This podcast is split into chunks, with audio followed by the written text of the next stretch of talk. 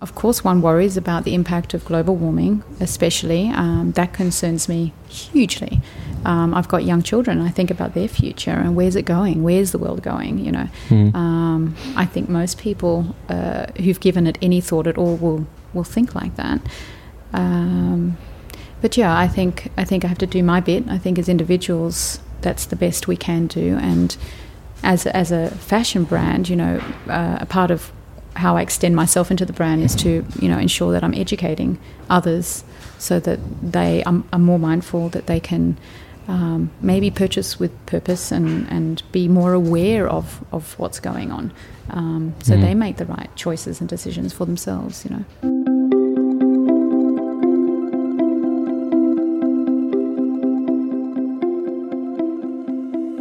Dit is Het Groene Hart van.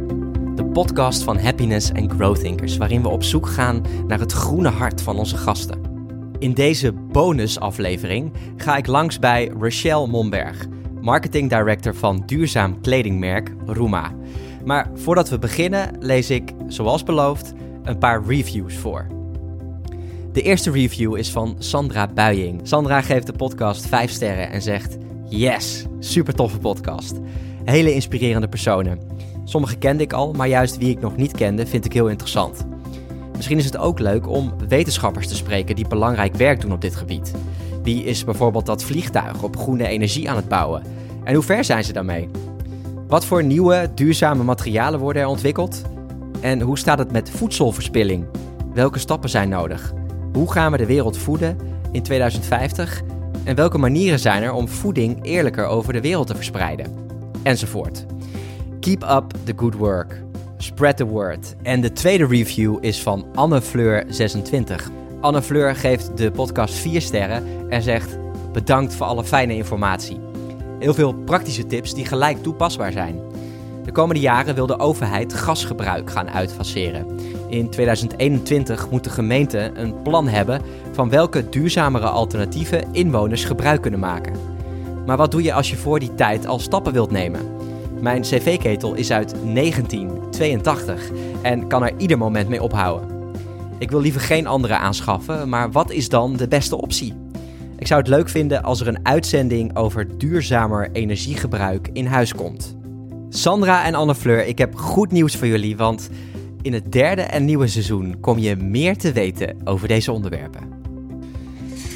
Okay, I'm right here in Cape Town at the moment, uh, sitting in front of uh, Rachel Momberg from uh, Rhumaa, yes a fashion hello. brand. Hi, Hi. nice to meet you. lovely to be here Uh, yeah, yeah, we saw uh, the office right here, and uh, uh, Rhumaa is uh, is in the Netherlands, but also uh, here stationed in South Africa in Cape Town. yes that's right And you're the marketing director. yes that's right Um, could you tell us where where it all started? Where did it begin with uh, Rhumaa, the fashion brand? Sure, yeah. Um, well, it all started uh, when Daniel, the owner uh, and CEO of the company, came to visit Cape Town. I think uh, early, uh, well, 2012, 2000, around about there, maybe even earlier. And he came here actually for his internship way back when. Um, and he came to do that through a company called Learn to Earn, which is a foundation actually we still use today at Rhumaa. Uh, they're a skills development uh, foundation, so working with young adults and helping to develop their skills, um, and then they find work for them. And uh, I think Daniel. Daniel had just finished uh, studying business and he wanted to come and explore his options here uh, and uh, fell deeply, madly in love with, with Cape Town and the Hmm. people and, and the creative centre that it is because Cape Town's a very, very creative city. Um, and in his, uh, in his time that he spent here, he, uh, he met quite a lot of artists. They actually, uh, a part of the skills development that they have at Learn to Earn is, uh, is graphic design, and he, he got to meet quite a lot of them. Um, at that point, I think he'd already had some sort of a textiles in, interest. Uh, he, he had a little t-shirt business, I think, on the side, and uh, he had this brainstorm, this idea that he would uh, that he would, you know, maybe do something with this. Um, Mhm. He saw there were um, there was a lot of hidden talent, I suppose, in Cape Town with with these people, and um, he wanted to do something more for them and uh, give them a platform.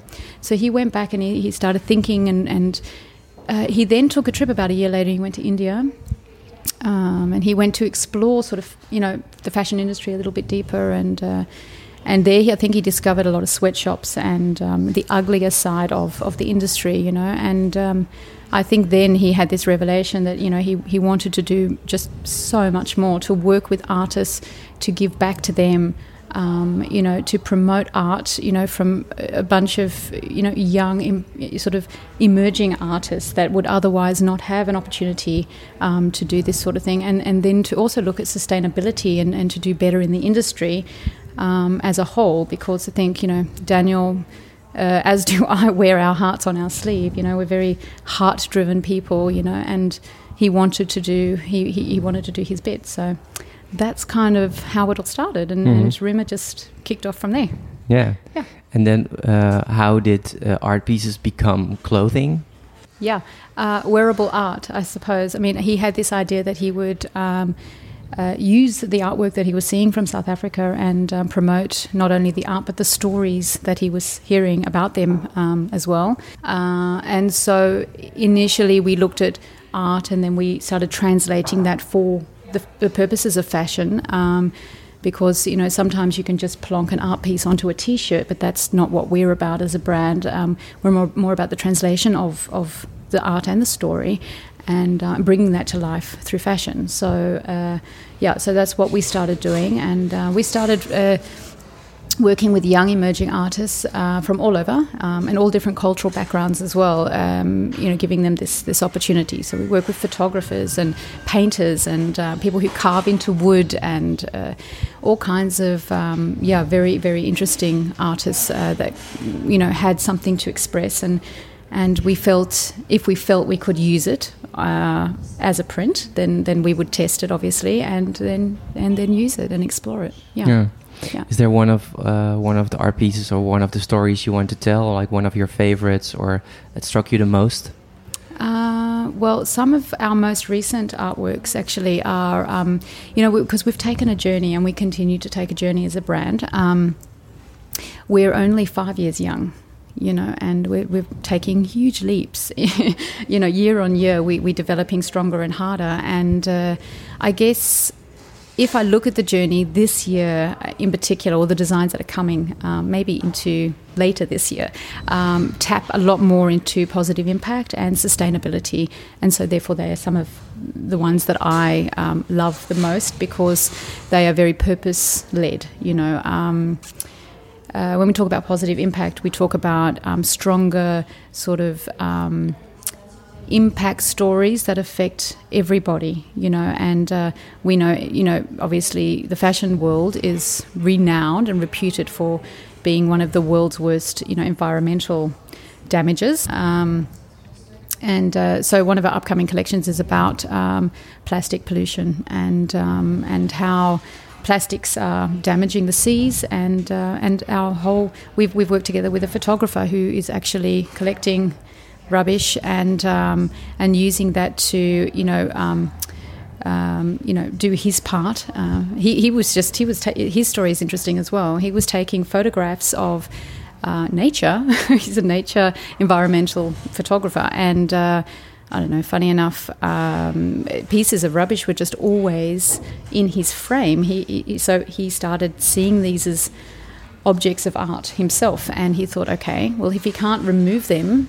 every time, then he will start collecting it, shooting it, and telling the story about it. Mm. And so um, it is quite powerful that that should happen and um, we we yeah have used one of his pieces um, actually it's of a polystyrene cup floating in in the sea and um, it's, it's difficult because you don't want to beautify that at the same time, but um, which is what he often talks about. But it, it is re- uh, really about bringing awareness to the problem, yeah. um, and that's what I love most about this piece. It's the story. It's the um, it's it's the awareness that we can build around it. Mm. Yeah. You're from Australia, right? yes. Born in Australia. Yes, yes. How did you come in contact with uh, Rhumaa?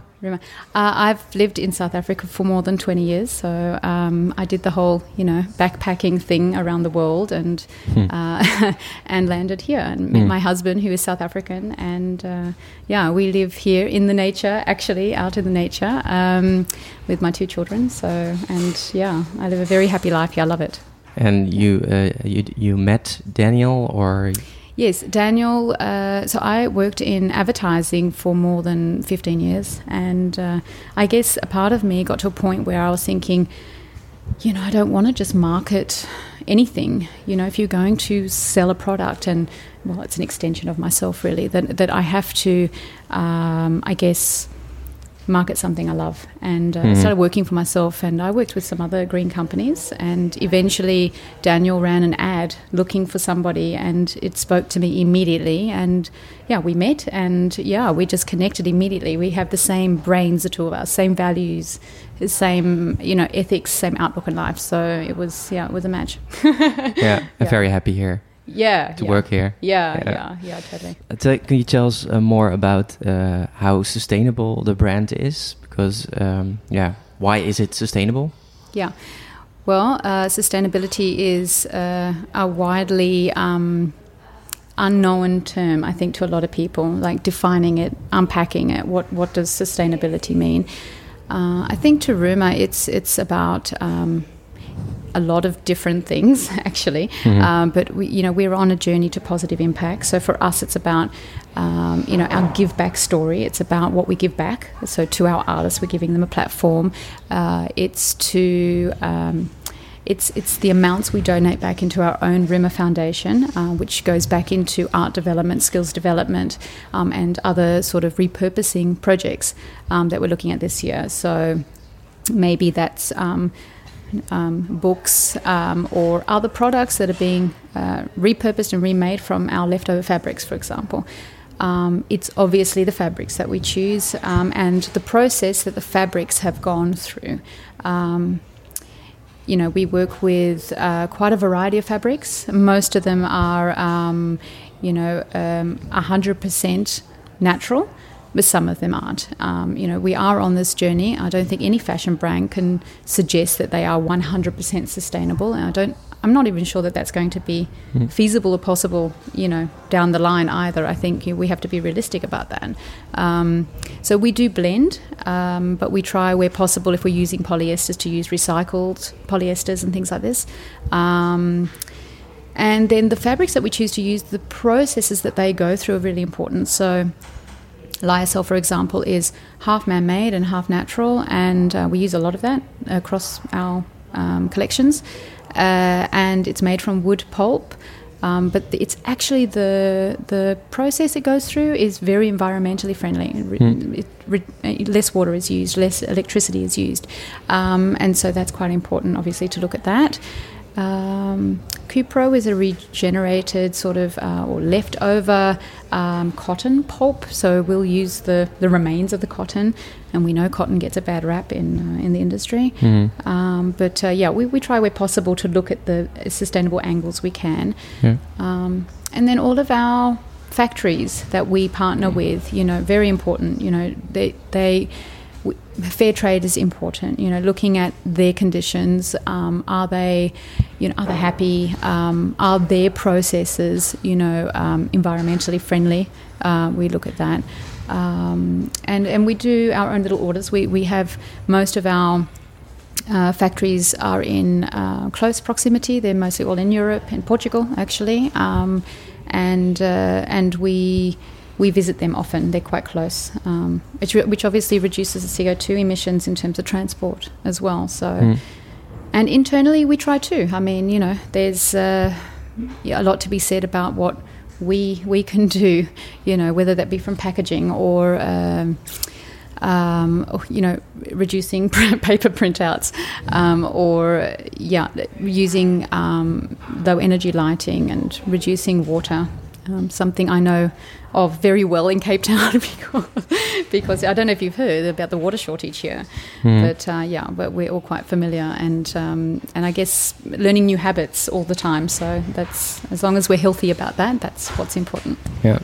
How do you look at sustainability, uh, not as a worker, but uh, just as a person uh, when you're living here? Yeah. Uh, Well, I, I, I'm in. Well, I think anybody living in Cape Town is um, is immersed in nature. First point, because we live in one big nature reserve. yeah. so, if you don't see that in front of you, that's that's insane. Um, but yeah, we've we've had. Uh, I, I you know I think everyone recycles here. Um, I think that's a given worldwide. Everybody should be doing that. Um, I think everybody is very. Uh, a lot more people are aware of, you know, plastics. You know, straws. Um, you know, go buy a coffee, then try not to buy. You know, their cups. Try and bring your own. Uh, so I do. I do live by this. Um, and at home, we, uh, you know, we've had a massive water crisis here, uh, drought in Cape Town. So just about everybody in the cities had to reduce their water consumption hugely. Um, so I have a lot of grey water systems and um, interesting ways of reducing water at home um, on an ongoing basis. I mean, this is now a way of life. It's not. It's not even a, a thought process anymore for us. It's just how we live, Hmm. and that isn't a backward step. That is like really a, a mindful step, uh, which I think is um, I, I think the rest of the world could almost learn from. You know, I, I don't think until you experience this as a human and actually go through it that you realize the impact that global warming is having, uh, you know, on on us as humans and, and on the planet as a whole. I mean, my entire garden at home is dead.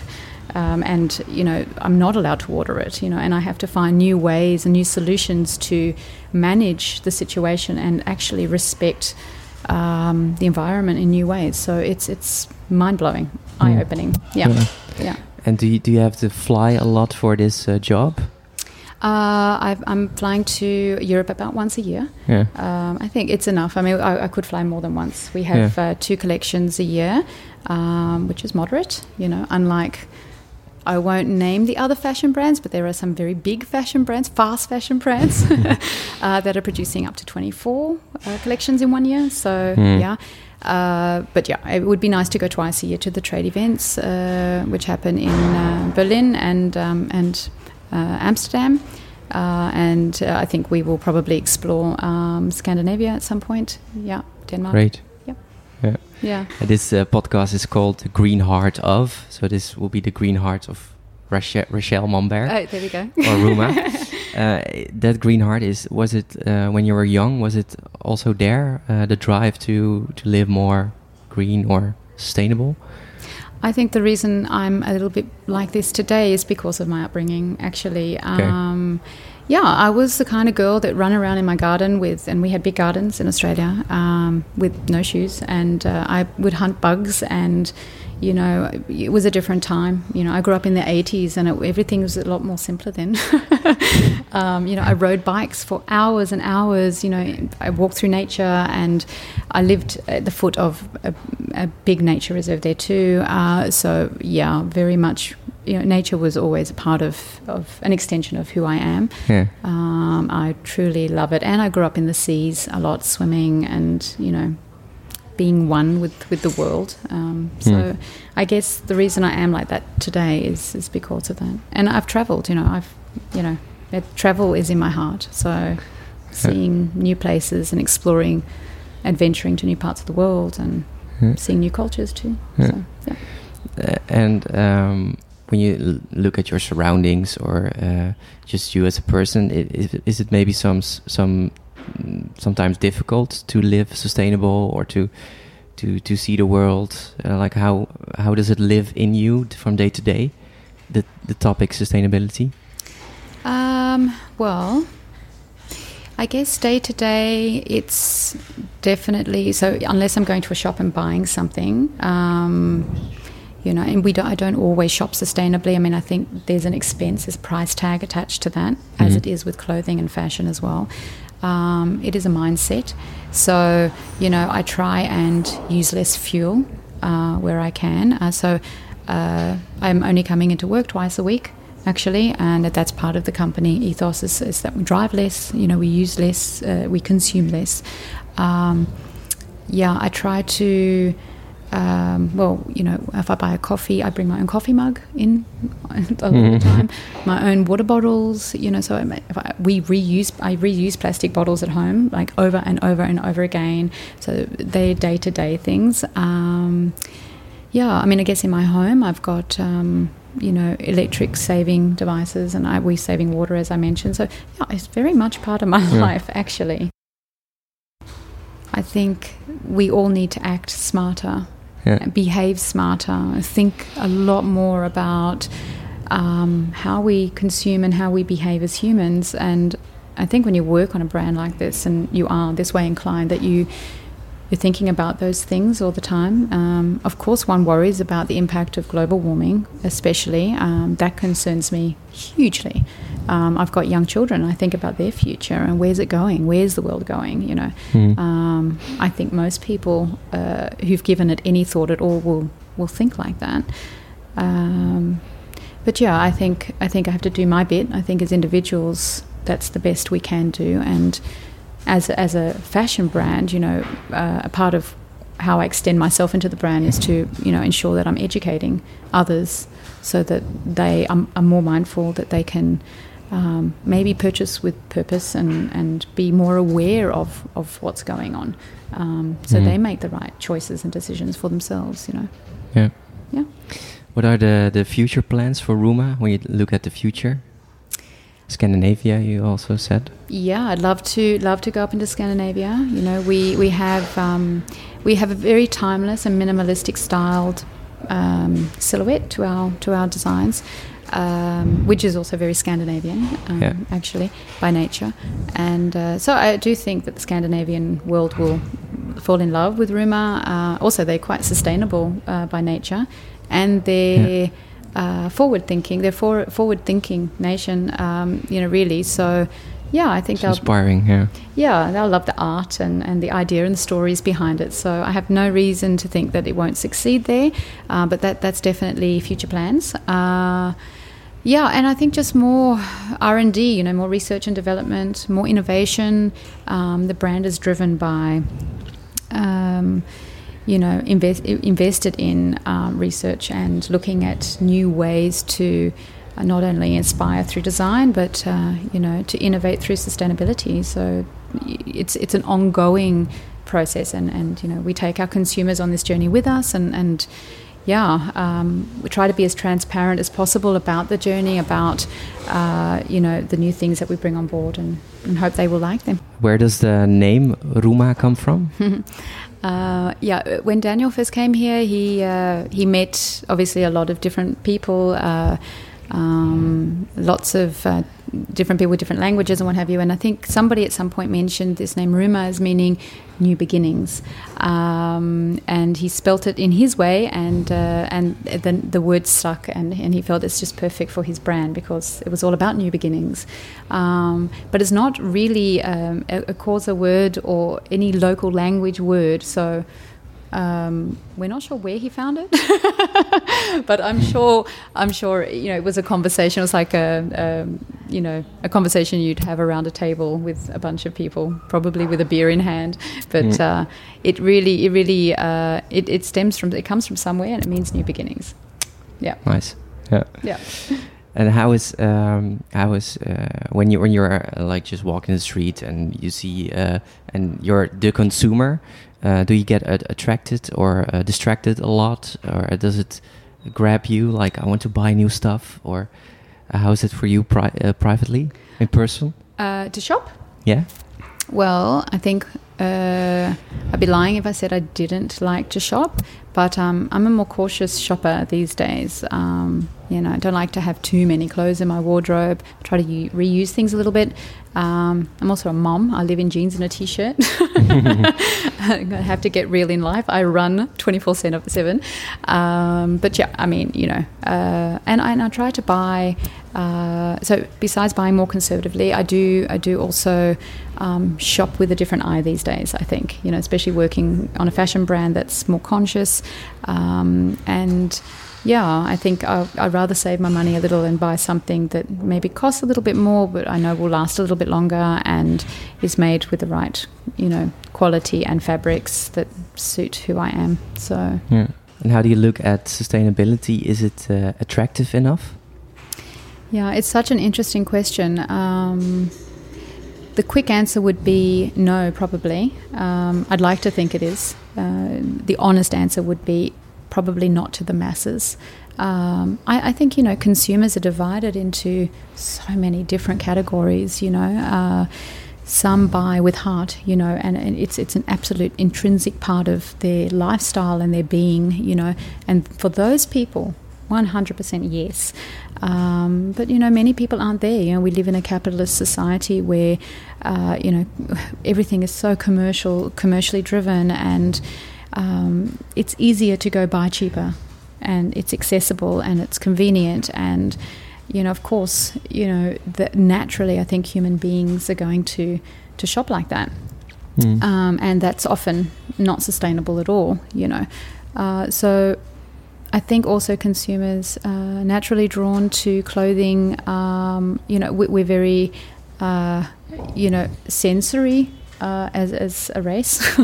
and so, you know, touch and feel and, and, you know, how something looks and, and that's all, that all comes first. You know, we, that's human nature. Hmm. Uh, so, you know, we take that on board. Um, and then the secondary things come in. I mean, you know, we have lovely stories on our brand, but that's not why people buy a lot of the time. It might be a secondary consideration and sustainability as well. I think it's becoming more important. I think become, people, consumers are becoming more aware I think the rise of social media is pushing greater awareness and, and for the first time ever, the environmental impact of the industry and of everything is drawing much, much more and needed attention to it. Mm. So it's rising, you know.